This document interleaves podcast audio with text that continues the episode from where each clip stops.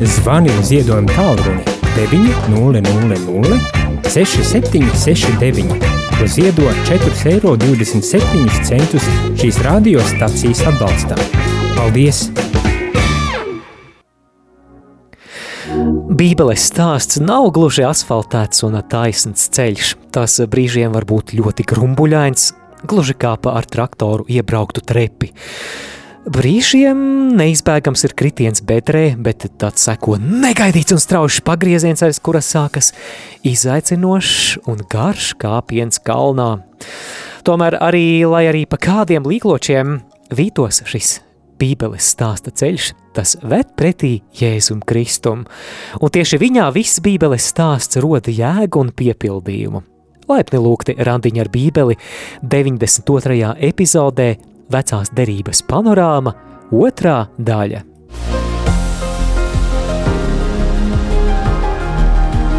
Randiņš ar Bībeli. Studijā Māris un Olga Veliki.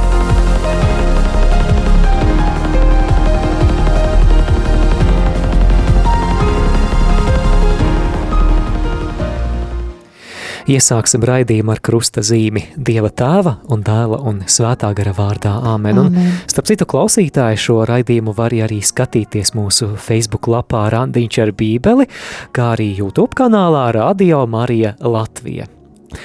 Skaties arī visus iepriekšējos epizodes, gan arī iepriekš minētajos kanālos, gan arī rādījumā arī Latvijas arhīva. Un zini, kā tu mums vari palīdzēt, tu vari ielikt laiku ierakstīt kādu komentāru, kaut vai sirsniņu nosūtīt, tas palīdzēs sociālo tīklu algoritmiem šo raidījumu aizsūtīt iespējami tālāk.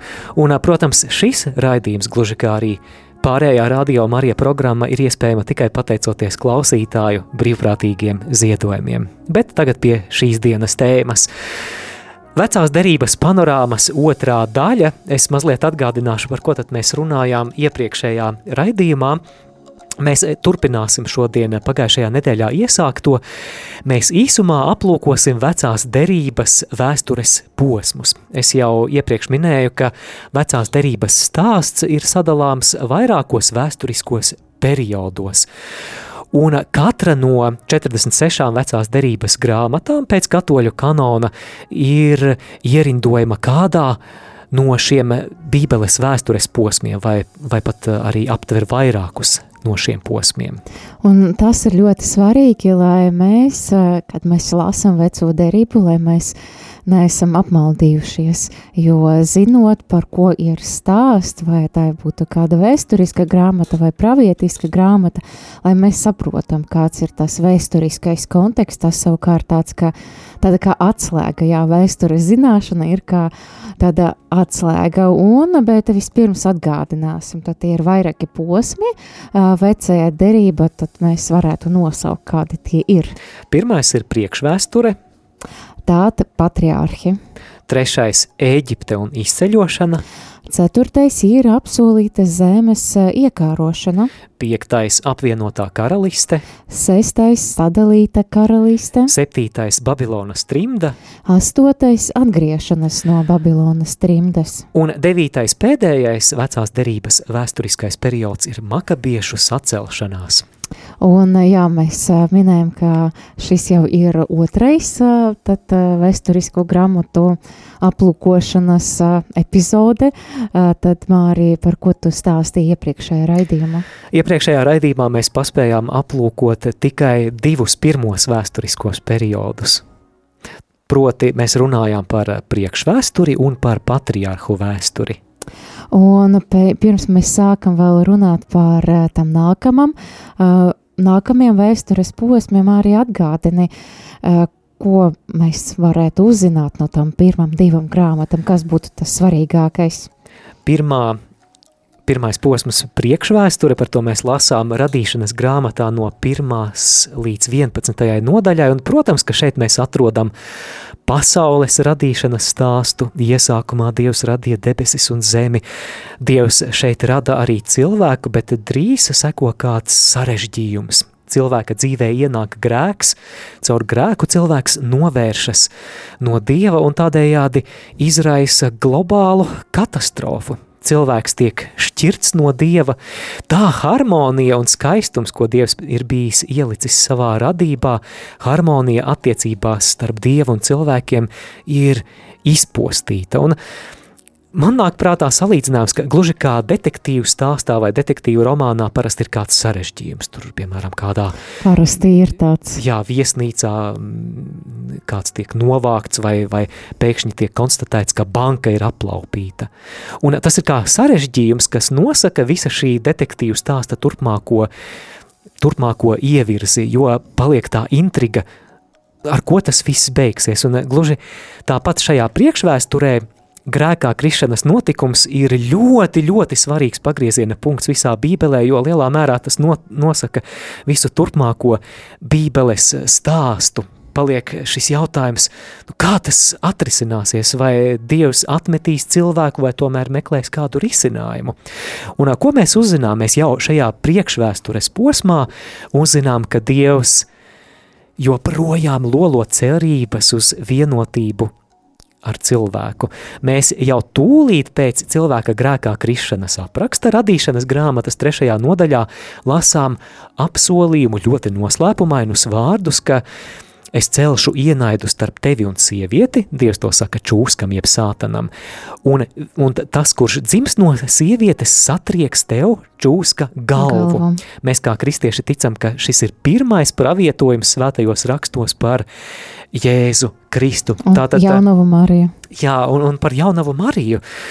Un tas nozīmē, ka Dievam ir padomā glābšanas plāns. Arī vēlāk, kad šajā priekšvēstures aprakstā seko grēku plūdi, mm -hmm. tad Noasa šķirsts. Jā, Noasa šķirsts un derība, ko vēlāk ar Noasu un ar viņa ģimeni noslēdz Dievs, parāda, ka nē, Dievs nav pilnībā norakstījis cilvēci, ka viņš viņš cenšas būt kontaktā un ka viņam ir kas ļoti svarīgs cilvēcei padomā.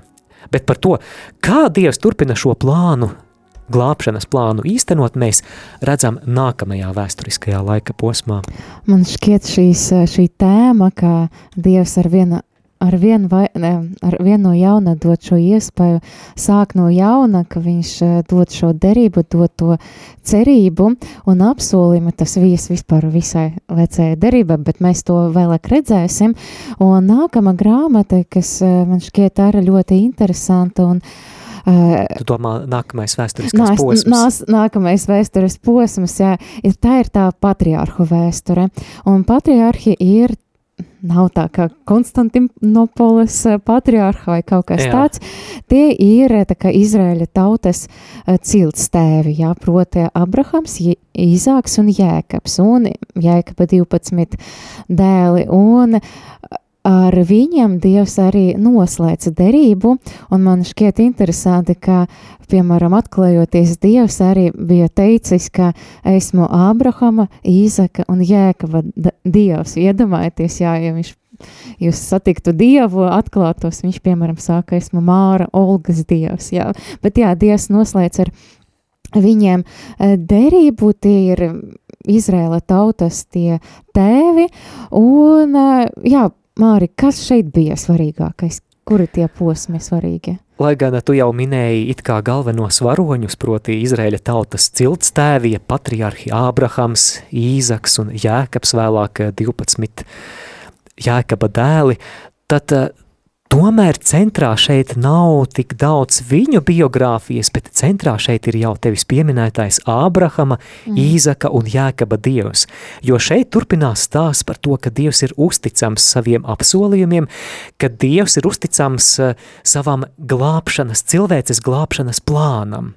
Un kā viņš caur patriarchiem šo cilvēces glābšanas plānu turpina īstenot? Viņš aicina Ābrahamu izceļot no viņa dzimtās zemes un noslēdz ar Ābrahamu derību. Tā ir vēl viena liecība tam, ka Dievam ir kaut kas ļoti nopietns padomā cilvēcei. Tad viņš izvēlēs kādu cilvēku un vēlas no tā cilvēka, lai nāk tā tauta, kas būs uzticīga viņam. Jā, un ne tikai būs uzticīga Dievam, bet tauta, kas pildīs eh, arī priesteru funkciju visas pārējās cilvēces priekšā. Izrēļa tautas, kā Ābrahama pēcnācēju, īpašā misija, īpašais uzdevums būs atklāt citām tautām vienīgo patieso dievu. Un šo apsolījumu, ka Ābrahams kļūs par ciltstāvu lielai tautai un ka viņā, viņa pēcnācējos tiks svētītas citas tautas, Dievs to apstiprina ar derību, ar īpašu, īpašu vienošanos. Un um, Mēs eh, zinām, ka jaunās derības gaismā, ka pilnībā šis apsolījums, ka Ābrahama pēcnācējos tiks svētītas visas tautas, piepildās caur Jēzu Kristu, kurš arī ir Ābrahama pēcnācējs. Viņš ir Ābrahama dēls, kurš ir tā gaisma, kas nākusi, lai apgaismotu visas tautas. Bet eh, līdz Jēzum Kristum, līdz šim piepildījumam mūsu stāstā vēl ir tāls ceļš ejams, Jā, un tad mēs ceļš. šajā raidījumā turpināsim aplūkot vecās derības stāsta nākamos vēsturiskos periodus. Dārgais klausītāj, tu šobrīd atrodies randiņā ar bībeli. Studijā Māris un Olga Veliki.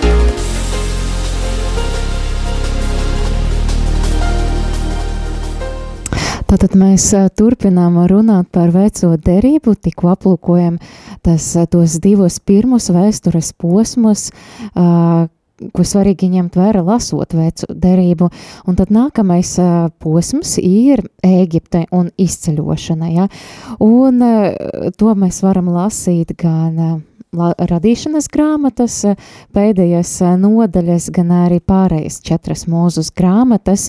Un kā tad tauta uh, ir nokļuvusi Ēģipte, droši vien tu klausītā esi zini to stāstu par Jāzepu, ne jaunas derības Jāzepu, bet vecas derības Jāzepu, to sapņotāju, kam, ka, kas redzēja sapņus, kas, kas par tiem sapņiem stāstīja citiem, un tad Jāzep ir, sanāk, ir Jēkaba viens no dēliem, un viņam ir vairāki citi brāļi, 11, ne, nu, sākumā desmit, pēc tam vēl viens piedzimā, 11, jā, kad, jā, jā, un, kopumā 12 brāļi. Kopumā 12 brāļi, un tad uh, viņa ļoti mīlēja viņa tēvs, un brāļi bija greisirdīgi, un līdz ar to viņa pārdeva viņu tā kā verdzība uz Ēģipte, jā, tad viņš nonāk Ēģipte, un tur notiek kaut kas, uh, sākumā viņš piedzīvo tādu Uh, gan pārbaudījumus lielus, viņš gan ir bijis pat cietuma, nepatiesi apsūdzēt, bet Dievs bija ar viņu kopā un beigu beigas viņš ir otrais cilvēks, cilvēks Ēģipte pēc faraona, pateicoties tam, ka viņš varēja iztulkot sapni faraonam un kā viņš arī uh, rīkojas ar visu faraona mantu, ja? un tad tajā visa zeme, tajā apgabala uh, to, to apgabalu piemeklējis Bats, un tad uh, pārējā Jāzepa brāļi dodas uz Ēģipti, un tad viņi satiek to Jāzepu, sākumā viņi viņu neatpazīst, un, uh, bet galu galu tas viss atklājas, un tad uh, ebreju tauta, Izrēla tauta, viņa tad pārvācas dzīvot uz Ēģipti, jo tur ir labi no, kā, nosacījumi viņam apstākļi, lai viņi varētu dzīvot. Eh, Izraēļa tauta nonāk, nonāk līdz Ēģiptē un meklē tur tavu, savu patvērumu. Un arī faraons ir labvēlīgi pret viņiem noskaņots, bet ir teiciens, ka jauna slota tīri slauka. Vēlāk pie varas nāk cits faraons, kurš par tādu Jāzepu neko nezina, un uh, Jāzepa un viņa brāļu pēcnācējos, proti Izrēļa tautā, viņš saskata draudus. Nu, piemēram, cita tauta, cita reliģija, cita jā, paražas. Jā, varbūt tā ir kāda piektā kolonna. Ko ar viņiem darīt? Nu ko, padarīsim viņus par vergiem. Un sākas ļoti grūts posms ebreju tautas vēsturē, ko raksturo asaras, asinis un sviedri. Jā, tāds ir jaunā faraona plāns Izrēļa tautai, bet noteikti, noteikti tāds nebija dieva plāns izvēlētajai tautai. Jā, Dievs ir eh, atklājis, ka viņš sadzirdēja tas asaras un tas, eh, tas vaimanas lūkšanas izvēlētas tautas, un, un Dievs aicina kādu ļoti lielu vecas derības varoni, lai viņu vadība tieši e, e Izraēļa tauta tiktu izveista no Ēģiptes verdzības, tas ir Mūzus. Jā, tas Mūzus, kurš apbrīnojama veida izdzīvojis, kurš bija nokļuvis līdz pat faraona galmam, un tur arī bija uzā, uzaudzināti. Interesanti, ka viņš nebija izaudzis tā kā vergs, bet bija izaudzis kā faraona dēls vai, jā. Tātad mūzumdievs ir devis īpašu uzdevumu izvest ebreju tautu no Ēģiptes apspiedstības, bet tu klausītāji droši vien atceries, ka izceļošanas sākums nav nemaz tik gluds, kā gribētos, jo kad Mūzus ar savu brāli Āronu nāk pie faraona lai runātu par tautas atlaišanu, kā noskaņots ir faraons. Viņš nesaka, Ļoti ok, slikti. labi, nē. Faraons ir noskaņots negatīvi, tāpēc dievam ir jāiejaucas notikumos ļoti dramatiski. Un Tad nu izceļošanas grāmatā mēs lasām par tā saucamajām lielajām Ēģiptes mocībām, jeb tās ir smagas dabas kataklizmas, kas nāk pār Ēģiptes zemi. Un eh, mēs noteikti kādā no turpmākajiem raidījumiem par to vairāk runāsim, bet ir bībeles pētnieku vidū tāda teorija, ka katra no šīm uh, Ēģiptes mocībām simbolizēja dieva tiesu, dieva sodu pār, pār kādu no Ēģiptes dievībām. Kuri bija daudz, kuru bija ļoti. Kuru bija ļoti daudz, un, piemēram, mēs lasām par to, ka viena no šīm sodībām ir saules aptumšošanās visā Ēģiptē. Mēs zinām, ka viens no galvenajiem eh, Ēģiptes dieviem bija saules dievs eh, Rā, jeb Amons. Un tad no dievs aptumšojot sauli visu eģiptiešu un arī faraona priekšā parāda – es esmu vienīgais Dievs. Tas ir ļoti, ļoti interesanti. Jā, Dievs ir varens par visam parādībām, par, par visām dabas lietām, bet interesanti, ka Ēģiptē arī faraons tika uzskatīts par vienu no dieviem vai kaut kādu mm dieva pēcnācēju. Arī viņš piedzīvos uh, savu tiesu, savu, savu tiesu. tiesu. Un jā, tad visbeidzot uh, pienāk arī paschas nakts, kad uh, tika, kad um, Izraēla tauta uh, kāva tad paskas jēru un tad arī uh, apsliecināja savas durvis ar asinīm, un tad šajā naktī tad uh, viņi varēja doties prom no Ēģiptes, un, protams, uh, Ēģiptieši dzinas pakaļ, un jā, tad vairākums zinātnieku uzskata, ka izceļošana varēja notikt ap 1250 gadu pirms Kristus. Jā, tad šīs notikums vairākus, vairākus gadsimtus pirms Kristus notika, bet Paskā ir ļoti mums kristiešiem ļoti svarīgi tieši šajos svētkos, vēlāk jau pieminot, tad Jēzus arī upurēja sevi. Jā. Jēzus kā jaunais paskas jērs jaunajā derībā. Un kas, to, nu, kas notiek tālāk, jā, tad notiek izceļošana un proti, ka jā, tad viņi dodas uz to absolūt, absolīto zemi, bet jā, pēc attēlojuma, pēc kartes mēs skatāmies, kur ir apsolīta zeme, kur ir, uh, kur ir Ēģipte, un, protams, viņa arī pārgāja pāri uh, sarkanai jūra, kas arī ir lielis brīnums, bet uh, tie ir, var nonākt ar kājiem tikai dažu mēnešu laika, bet Izraēļa tauta gāja pa tūkstnesi cauri tūkstnesim veselus 40 gadus. Tas ir tāds eh, fenomens, un eh, jā, klausītāji, tu vari domāt, kāpēc, kāpēc tik ilgi? Redzi, viena lieta ir iziet no Ēģiptes, bet pavisam cita lieta ir to Ēģipti dabūt, dabūt ārā no, no sirds. Mēdz arī teikt, eh, ka puisi var dabūt ārā vai meiteni ārā no laukiem, bet laukus no, no viņa ir daudz grūtāk dabūt ārā. Bet Ēģipte, kā mēs to lasām izceļošanas grāmatā un pārējās Mūzes grāmatās, ir tik dziļi iesakņosies Dieva tautas sirdīs, ka, eh, nabaga Mūzus – Mūzum kā Izraēļa tautas vadonim šajā laikā mēs varētu izteikt līdzjūtību. Jo tauta nemitīgi kurna, kurna pret mūzu, tauta kurna pret dievu, viņiem manna ir apnikusi, viņiem gaļa vajadzīga, viņiem tie sīpoli un, un gaļa, kas Ēģiptē bija, tagad eh, sāk pēkšņi viņus vilināt atpakaļ.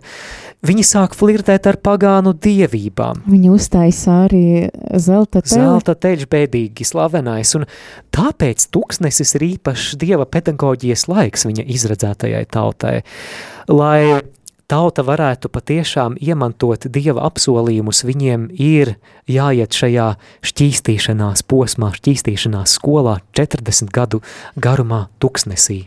Jā, tas ir, mēs varam padomāt par sevi, vai es nekurnu pret Dievu, vai mana kurnēšana arī neblokē svētības no Dieva, bet mani arī uzrunāja tas, ka uh, viņa ne tikai kurnēja, bet viņa arī baidījās un neticēja uh, tam, ka viņa spēs iekarot šo apsolīto zemi, jo apsolīta zeme bija, uh, protams, tur dzīvoja citi cilvēki. Jā, un viņi tik milzīgi, mēs viņu priekšā bijām kā sienāži, kas, siseņi. Jā, un tad kā tas notika, tad viņi izsūtīja izlūkus, vairākus izlūkus, lai tie paskatītos, kas tā ir par zemi, kādi tur dzīvo cilvēki un tā tālāk, lai saprastu šo situāciju, kādai jābūt stratēģijai, un kad tie izlūki atgriezas, tikai divi patiesība teica, mēs iesim un iekarosim šo zemi, bet visi... Tie bija Jozua un Kāleps. Jā, tas ir ļoti svarīgi, par, ar Jozua mēs vēl uh, satiksimies, jā, bet visi pārējie viņi kurnēja, un viņa teica, jā, tos pašas vārdus, ko Māri tu teici, kaut gan slavēja to zemi, bet viņi noskaņoja visu tautu, ka nē, mēs nespēsim iekarot šo zemi, un līdz ar to bailes, neticēšana Dieva vārdam, ko Dievam apsolījumam, un arī tā kurnēšana, ka Eģipte bija labāka, tās arī bija tas iemesls, kāpēc tad bija 40 gadi jāpavada tuksnesi, jo viņi tāda veida tā kā apgrekojas pret Dievu. Jā, bet neraugoties uz tautas kurnēšanu, uz tautas neusticību, kurš paliek šajā stāstā vienmēr uzticīgs? Dievs. Tas ir Dievs. Mēs redzam izceļošanas stāstā, ka Dievs nav atmetis savus glābšanas plānus cilvēcei.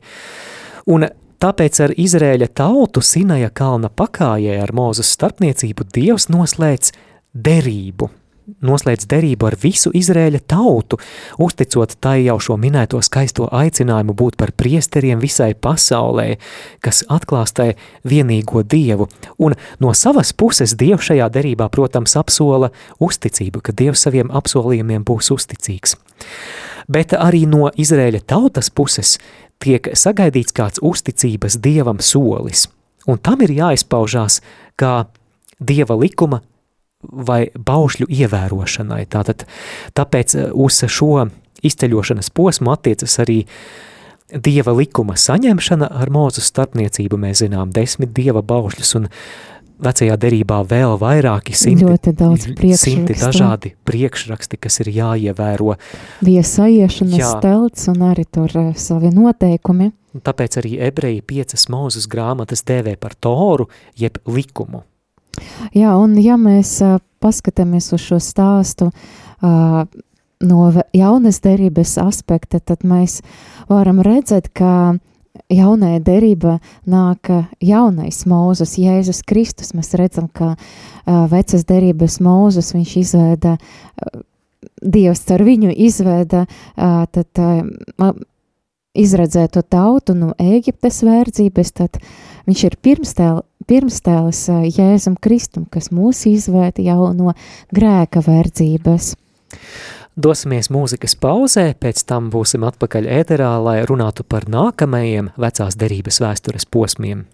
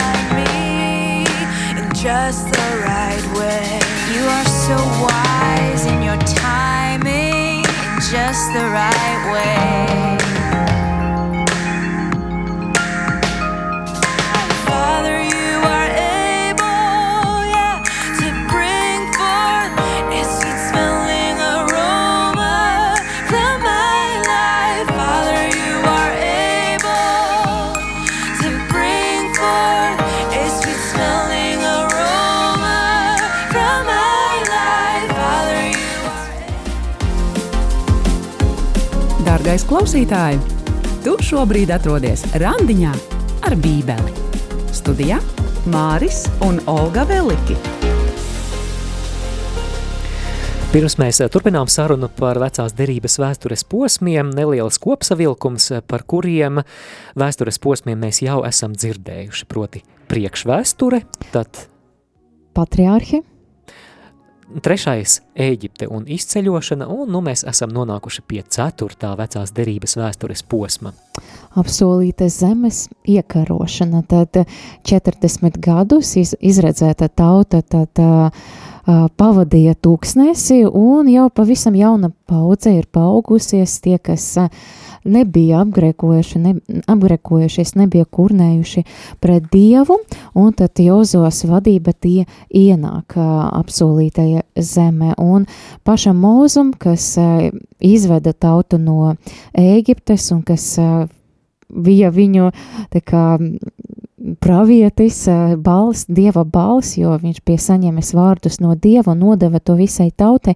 Viņam nebija lēmts iet, tad apsolītajā zeme viņš varētu uz to paskatīties tikai no tālienes, no kāda kalna, un tad viņš mirsta arī šajā, šajā neiejot apsolītajai zemē. Tātad Izrēļa tauta apsolītajā zemē jau iesoļo Jozos vadībā, un nu ko, nu tagad brīvdienas var sākties? Bet interesanti, jā, ka mēs jau iepriekš pieminējam to, ka Jozo savukārt viņš palika dzīvs, jo uh, viņš bija viens no tiem izlūkiem. Tad uh, arī Dievs viņam uztic šo ieiešanu, uh, vēst, vēst tautu šajā apsolītajā zemē. Nu, kā tur ar tām brīvdienām? Paulīte var, var sākties tagad nē. gulēt šūpuļkrēslos un Neviens tur viņus negaida, tā var teikt. Jā, sākotnējais posms Kanāna zemē nav nekāda atpūta kūrortā, jo zeme ir jāatkaro no tur dzīvojošajām pagānu tautām. Un ja vien tas būtu tik vienkārši. Tas izrādās grūtāk, vēl grūtāk pat ne tik daudz varbūt no militārā viedokļa, bet tādēļ, ka šo kanāniešu pagānu tautu reliģiskie kulti kļūst par slazdu uzminikam? Izra... Dieva izvēlētajai Izrēļa tautai. Tieši tā. Viņus vilina bāls, viņus vilina aštarte. Ak, Izrēļa tauta, kaut tu saprastu, ka tu pati sev sagādā lielas nepatikšanas caur to. Tomēr mēs, es domāju, jau vairākas reizes esam pateikuši raidījumā, un es atkārtošu atkal, ja mēs varam redzēt arī šajā vēsturiskajā posmā, ka tas, kas paliek, paliek uzticīgs, ir Dievs, un kad tauta nožēlo savus grēkus, ka tautai ir nepatīkšanas, tie nožēlo grēkus, nožēlos to savu pagānismu un sauc palīga, un tad Dievs dāva viņam savus pārvaldniekus, soģus, tiesnešus, caur, caur kuriem tad Dievs jau palīdzēja izspiest no šīs jaunas teritorijas šos pagānu tautas. Un, protams, svarīgais jautājums, kuras vecās derības grāmatas attiecas uz šo ceturto vēstures posmu apsolītās zemes iekarošanu, un tās ir Jozos grāmatas, Jozos grāmata un Soģu grāmata.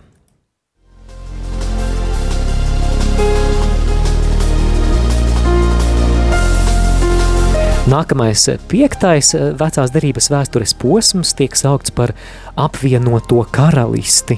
Mārijas, domāju, tu varētu, tu samulsināja mūsu klausītājus, kādi padomāja UK United Kingdom, tā kā nē, nē, nē, Lielbritānijas apvienota karaliste. Nē, nē, nē, tā ir, tā ir ebreju apvienotā karaliste, bet kāpēc tāds nosaukums, jo tātad te jau uz vēstures as mēs esam nonākuši līdz 11. gadsimtam pirms Kristus.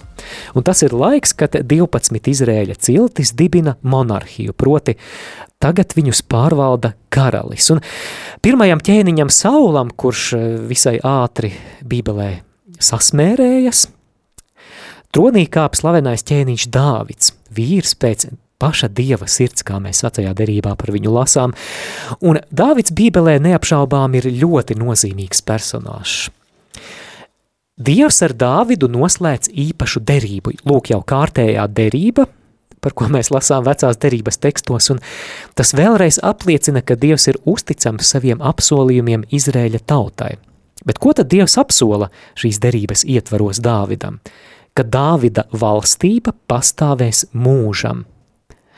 Un tāpēc turpmāk Mesija, kuram bija jānāk un jāatjauno pasaulē Dieva iedibinātā kārtība, tika sagaidīts tieši no Dāvida dzimtes. Un tad tālāk, ja mēs jau ieskatāmies jaunajā derībā, tad atceramies, ka nereti jaunajā derībā Jēzus tiek saukts tieši par Dāvida dēlu. Tātad Jēzus ir tas apsolītais Dāvida dinastijas valdnieks, kuram kā mēs jaunajā derībā lasām, pieder visa vara debesīs un virs zemes, bet ne tā kā šīs pasaules valdniekiem.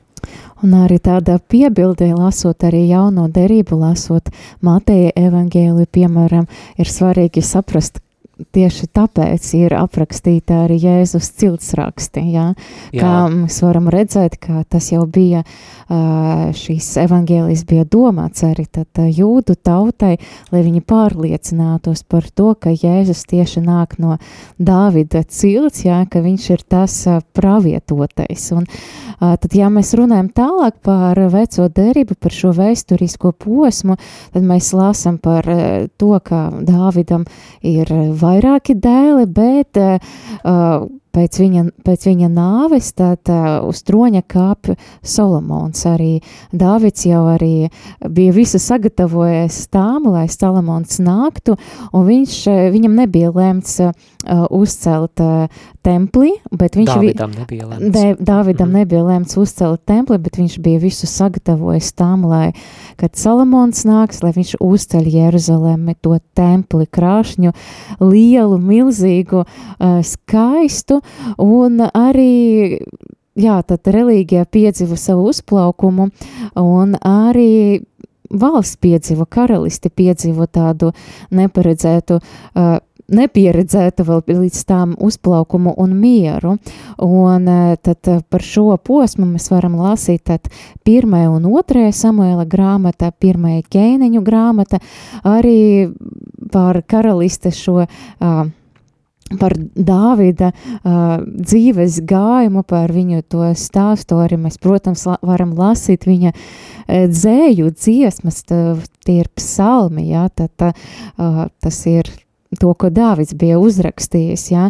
Mēs savukārt arī par, varam lasīt to sākam vārtu grāmata, dziesmu grāmata, uh, mācību teicēja grāmata, ko arī um, sacerēja Solomons. Un šo sauc par apvienotās karalistes vēsturisko posmu tieši tādēļ, ka ebreju valsts šajā laikā ir vienota visas 12 jēkaba ciltis, Izraēļa ciltis, ir apvienojušās vienā valstī ar vienu ķēniņu. Un tas ir pretstatā tam, kas notiks vēlāk desmitajā gadsimtā pirms Kristus. Un nākamo posmu sauc par sadalīto karalisti, par ko mēs tūlīt parunāsim.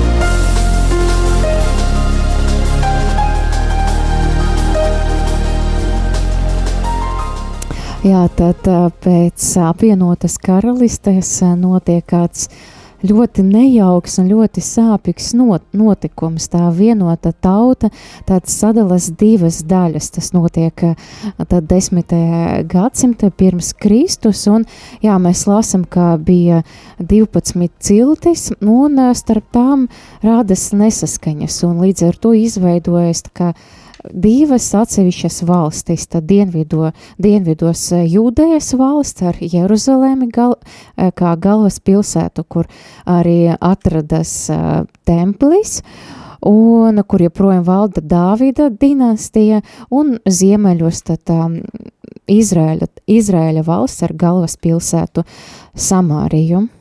Varbūt klausītājs varētu mums jautāt, Nu, kāda man daļa lasot bībeli par to, ka tur bija dienvidu valsts Jūdeja un ziemeļu valsts Izrēļa valsts. Patiesībā, ja tu zini šo vēsturisko faktu, tad uh, tu vari labāk saprast vairākas vecās derības grāmatas, piemēram, praviešu grāmatās ļoti bieži, un praviešu Jā. grāmatas arī apraksta šo periodu, vai daudzas no tām ir tapušas sadalītās karaļvalsts periodā, un tur nemitīgi tiek minēta gan Jūdas valsts, gan Izrēļa valsts, piemēram, pravietis Ecehiels, tās salīdzina ar divām neusticīgām māsām. Jā, bet Dieva nodoms, protams, bija, lai tā valsts būtu vienota, lai tauta būtu vienota, lai viņi visu kopā pielūgtu Dievu, jo tā nāk no viena cilstēva, no, no Abrahama, Īzaka un Jēkaba, bet jā, tas notiek tā tālāk. Es domāju, tā ir liela traģēdija arī bija. Jā, un arī tas, ka šis sadalītās karalistes posms ir diezgan tumšs posms ebreju tautas vēsturē, jo to raksturo tautas atkrišana pagānismā, morāla lejupslīde, un ja dienvidu valstī, jeb jūdejas valstī, kur Kaut bija Jeruzaleme, dažreiz. Jā, ka dažreiz tur tīri sakarīgs ķēniņš. Dāvida pēcnācējs bija tronī, kurš veica reliģiskas reformas un valsts at, attīrīšanos, tad Izrēļa valstī, jeb uh, Ziemeļu valstī, garīga un morāla lejupslīde bija nemitīga. Un, manuprāt, ja mēs jaunās derības kontekstā uz to paskatāmies, tad tas tikai parāda, cik ļoti cilvēcei bija vajadzīgs jaunais mūzus, kurš šoreiz izvedīs tautu nevis no Ēģiptes verdzības, bet no verdzības grēkam. Bet nu, nebija tā, ka šajā laikā viss bija pilnīgi slikti, piemēram, Ziemeļu valstī, Izrēļa valstī, jo neraugoties uz šo nelabvēlīgo garīgo klimatu, Ziemeļu valstī, Izrēļa valstī darbojās tādi spēcīgi ticības varoņi kā pravietis Elīs, noteikti ir dzirdēts vai neklausītāji. Jā, ka viņš cīnies ar bāla priesteriem. Jā, un tad viņa māceklis pravietis Elisejs. Bet šajā, val, šajā laikā abas ebreju valstis novājinās pamazām arī politiski, un tās arvien vairāk sāk apdraudēt agresīvas kaimiņu valstis. Un tad pirmā pa burbuli aiziet Izrēļa valsts ziemeļos. Tas ir eh, bēdīgais 722. gads pirms Kristus, kad eh, Asīrijas impērija to iekaro un aizved trimdā tās iedzīvotājus.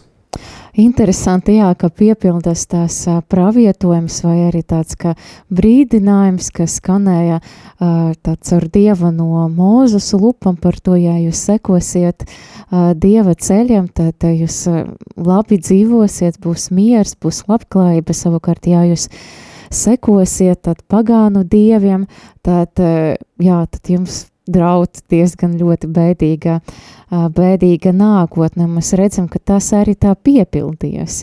Un jā, tad šo posmu mēs tā, tā šo posmu sadalīta valsts. Mēs varam lasīt par šo tad pirmā un otrajā ķēniņu grāmatas, pirmā un otrajā hroniku grāmatas, gan arī liela daļa no no prāviešiem arī raksta par šo posmu. Daži prāvieši tu bija dzīvojuši, tad sanāk Izraēli, daži bija dzīvojuši Jūdēji, un tur dažādi tie aspekti ir, ko var pamanīt arī viņa, viņa pravietojums, viņa grā, viņu grāmatas.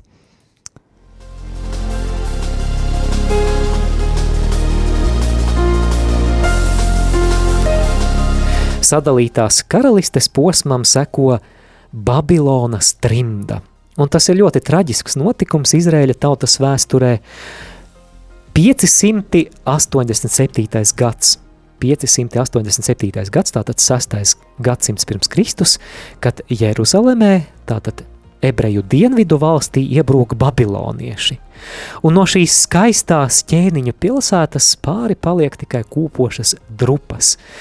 Un iet bojā arī Olga tevis pieminētais tautas lepnums, ko Salomons bija uzbūvējis, tautas svarīgākā svētnīca, Jeruzalemes templis.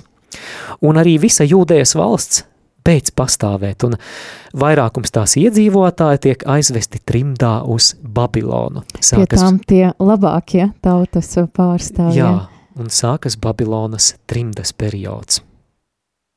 Un jā, tad mēs par šo posmu varam lasīt tādas arī prāviešu grāmatas, Jeremijas un Ecihēla grāmatas, un jā, kā Māris tu jau pieminēji, ka tas ļoti tautai sāpīgs posms, savukārt ir kāds gaismas stariņš, ir arī uh, tauta no sirds atgriežas no saviem grēkiem, un Dievs ar to trimdu arī šķīstē savu tautu, tad viņi saprot, ko viņi ir izdarījuši, ka viņi visu zaudējuši, ka viņi patiesība atgriezušies uz to zemi, no kurienes patiesība Ābrahams bija aicināts.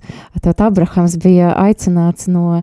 No Kaldejas jūras, kas ir Babilo, tiešām Babilonas, Babilonas te, teritorija. Tagad Irāka mūsdienās. Jā, un tagad viņi bija Ēģipte, viņi bija savu eh, karalisti nodibinājuši, un atkal viņi atkal pie tās pašas, eh, pie tās pašas situācijas, atkal viņa aizvesti tur, no, no kurienes Ābrahams bija aicināts, bet, jā, Dievs eh, tur viņa atrodas 70 gadus, un vēlāk tauta atgriezīsies, un tas ir tāds interesanta līdzība tam, ka arī Dievs viņus aicina sākt it kā, kā Abrahamam bija jāsaka visu no jauna, tad arī tai tautai, sekojot Abrahama pēdam, arī jāsaka viss no jauna, tā jauna staigāšana kopā ar Dievu un tiešām sekošana viņam un arī tas ceļš, lai varētu būt uzticīgiem viņam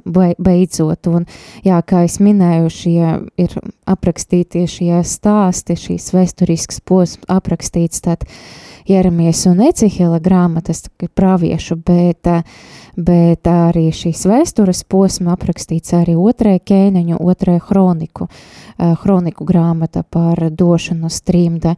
Arī interesanti mēs to lasam gan kā jau pieminēju, Jeremijas, e, Ecihela raudu dziesma arī par to ir, arī dažos psalmas mēs varam lasīt par to, Daniela grāmata ir par trimdas noslē, nu, kā noslēguma posmu, un arī Esteras grāmatā arī trimdas beigas, kā, kā tas notika. Man nāk prātā 137. psalms pie Bābeles upēm mēs sēdējām un raudājām, tās vītolos mēs pakārām savas cītaras. Tātad eh, šis ir Babilonas trimdas posms. Varbūt klausītāji zina šo dziesmu, boniem dziesmu. By the rivers of Babylon. Jā, tieši Jā, ar šiem vārdiem. teksts ir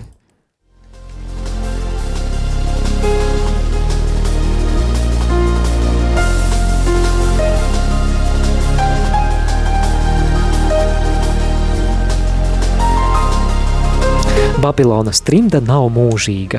Sākas nākamais, astotais vecās derības vēsturiskais posms, atgriešanās no trimdas, un kā jau pravietis Jeremija arī bija pravietojis, ka šī trimda ilgs 70 gadus, un tas arī piepildās. Un kā tas notiek? 6. gadsimts pirms Kristus.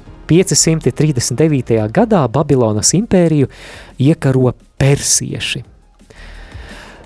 Tā ir slikta ziņa babiloniešiem, protams, bet tā ir laba, laba ziņa, ziņa ebreju tautai. Kāpēc? Jo jaunie valdnieki, jeb persiešu karaļi, izrādās daudz labvēlīgāk noskaņoti pret tai pakļautajām tautām. Viņiem tāds liberāls režīms un persiešu ķēniņš Kīrs izdot pavēli, kas ļauj ebrejiem atgriezties no Babilonas savā apsolītajā zemē, svētajā zemē, un atjaunot Jeruzalemes templi, pat vēl piešķirtam līdzekļus.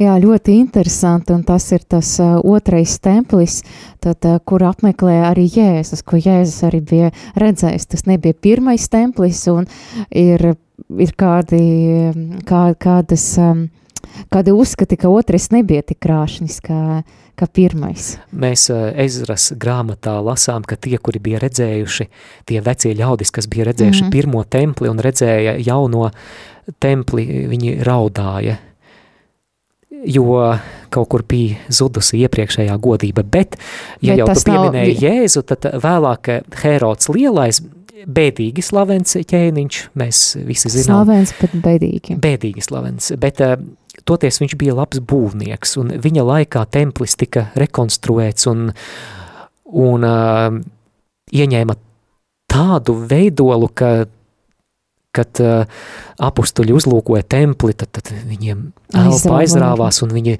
rādīja, tu paskaties, Jēzu, Jēzu kādi mūri.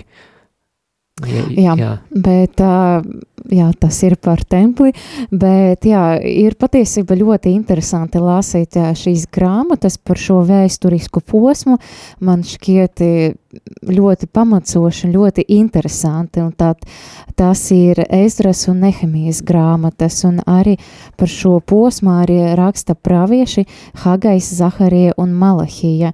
Bet tiešām ārkārtīgi interesantas grāmatas, tas Ezras un Nehemijas par tautas atgriešanos, par tempļa arī atjaunošanu, arī par, par Jeruzalemes atjaunošanu, par, par mūriem, kā viņi tika atjaunoti. Un un eh, kādas grūtības viņam bija, un bet kā Dievs vadīja. Starp citu, tu pieminēji pravieša Hagaja grāmatu. Tā ir viena no manām mīļākajām praviešu grāmatām, kur Hagais runā par situāciju, ka tad, kad tauta atgriezās no trimdas Jeruzalemē, katrs bija aizņemts ar savas mājas atjaunošanu, mm -hmm. un viņi bija aizmirsuši par tempļa atjaunošanu. Un uh, Hagais skaisti runā par prioritātēm. Kas jums ir prioritāte? Vai gadījumā nav, nav laiks vispirms uh, ieguldīt tajā, kas ir Dieva? Ļoti interesanta grāmata. Tātad uh, devīta, astotais, astotais posms atgriešanās no trimdas.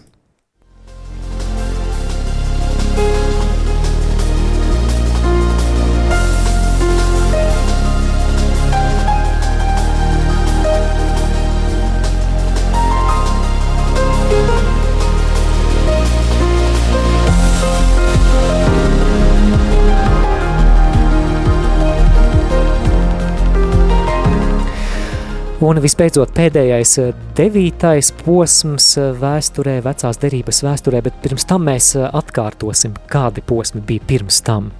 Sākumā pirmais posms priekšvēsture, tad patriarhu vēsture, tad Ēģipte un izceļošana, tad apsolītās zemes iekarošana, apvienota karaliste, tad sadalītā karaliste, Babilonas trimda, tad atgriešanās no trimdas. Un tad noslēdzošais vecas derības vēsturiskais posms ir makabiešu sacelšanas. Es domāju, ik viens radio klausītājs ir kaut ko dzirdējis vai skolas laikos kaut ko dzirdējis vai lasījis par Maķedonijas Aleksandru jeb Aleksandru Lielo. Liels iekarotājs, kurš izveidoja lielu impēriju, bet ļoti agri mira. Pēc Maķedonijas Aleksandra varu šajā teritorijā pārņem 4. gadsimtā pirms Kristus e, viņa kara vadoņi un sadala teritoriju.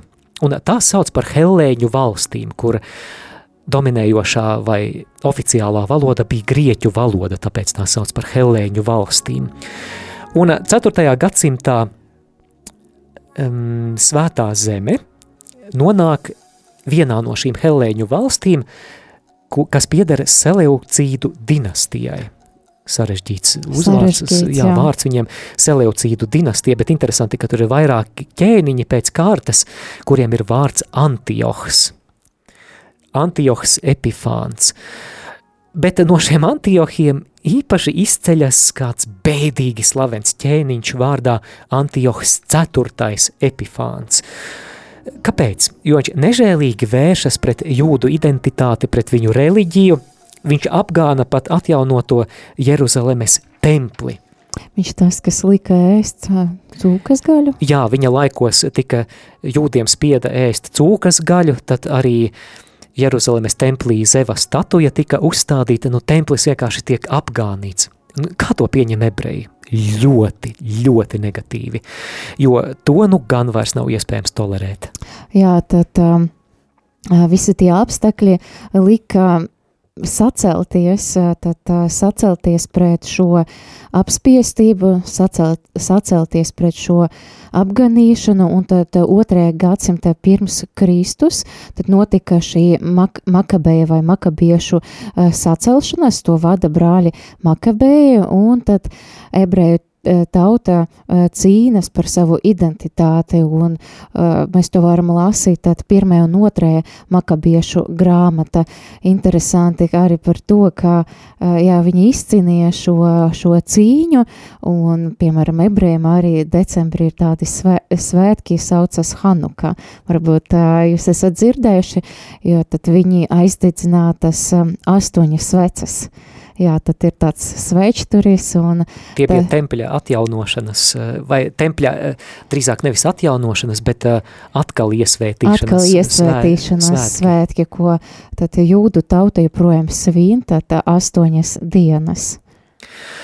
Taču brāļu makabiešu panākumi ir tikai īslaicīgi, jo svētā zeme drīz nonāk citas impērijas pakļautībā. Jā, tā ir Romas impērija, eh, kuras eh, laikā, starp citu, dzimst arī Jēzus Kristus. Šis ir tieši tas laiks, kad pasaulē jānāk mesijam Jēzum Kristum, un mēs eh, zinām, ka viņa valstība pārsniegs visas šīs zemes impērijas. Tā aptvers visas pasaules tautas. Tā nebūs eh, politiska vara, tā būs pavisam cita veida vara. Un tādējādi piepildīsies Ābrahamam dotais apsolījums, ka Ābraham tavos pēcnācējos tiks svētītas visas tautas. Tieši Jēzu Kristu, kurš dzims, piepildīsies arī Dāvidam dotais apsolījums, ka viņa valstībai nebūs gala. Bet nu, tas jau ir jaunās derības saturs. Jā, interesanti. Es ceru, dārgo klausītāji, ka tev šīs raidījums bija interesants un varbūt tu daudz ko arī saprati, kāpēc, piemēram, jūdi sagaidīja no Mesijas arī tie, kas ieticēja Jēzum, ka viņš nāks ar nogazīs romiešus, tad būs tā brīva valsts, bet Jēzus tā valstība nenāk kā šīs zemes valstība, tā ir, tā nāk no Dieva. Randiņš ar Bībeli. Studijā Māris un Olga Veliki.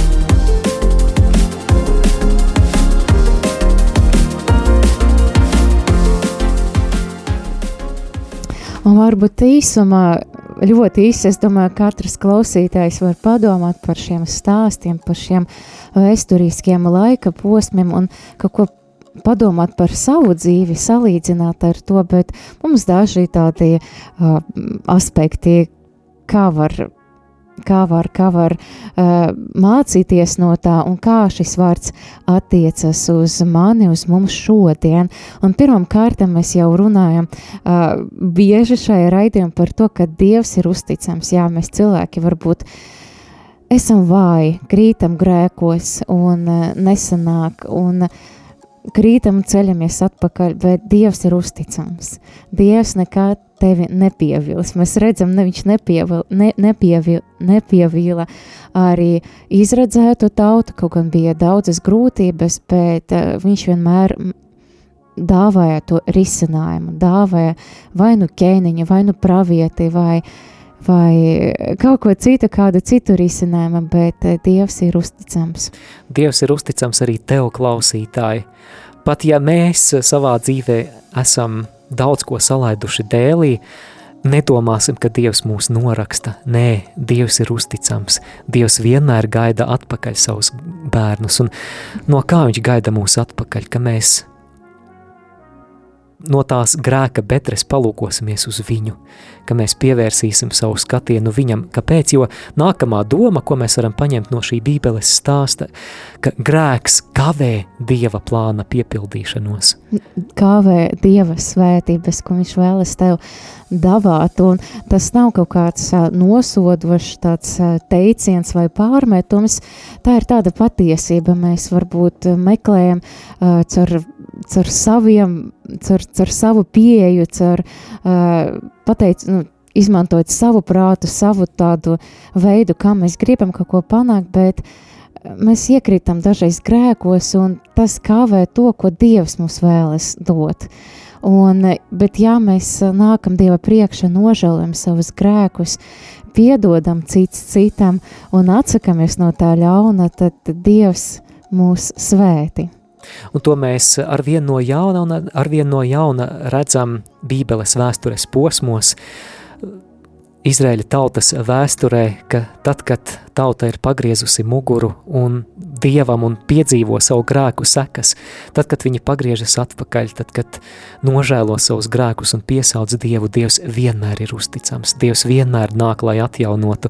Varbūt tas ir tev, klausītāji, šobrīd aktuāli, varbūt tu klausies un varbūt tu pats apzinies to, ka esi nomaldījies kaut kur no Dieva, zini, ka Dievs ir labs, viņš gaida tevi atpakaļ, nepaliec grēkā, tas tev liek staigāt kā Izraēļa tautai 40 gadus tuksnesī, staigāt maršrutu, ko patiesībā dažu nedēļu vai mēnešu laikā būtu iespējams mērot, nepaliec grēkā, Dievam ir daudz labāks plāns tavai dzīvei.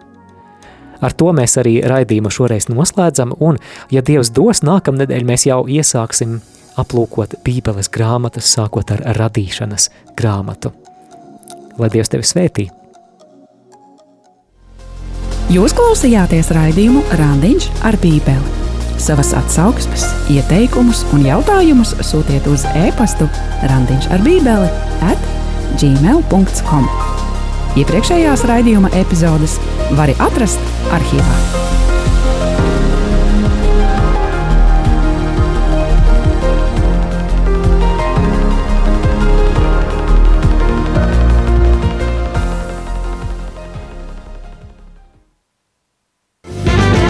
Daudziem klausītājiem rādījuma arī Latvija ir kļuvusi par nenovērtējumu atbalstu ticības dzīvēm. Kādam tā ir vienīgā iespēja būt aktīvi līdzdalīgam baznīcas dzīvē. Kādam citam tā ir ticības skola, kurā iepazīt svētos rakstus, baznīcas mācību un garīgumu. Citam šī radiostacija ir uzticams pavadonis ceļā uz darbu, palīdzot uzsākt dienu ar lūkšanu. Vēl citam tā ir mierinājuma un cerības avots, atrodoties slimības gultā. Katrs tavs ziedotais eiro šīs radiostacijas atbalstam nozīmē neskaitāmas paldies no klausītājiem, kuru ikdienu tu esi palīdzējis svētīt. Lai Dievs tev bagātīgi atlīdzina!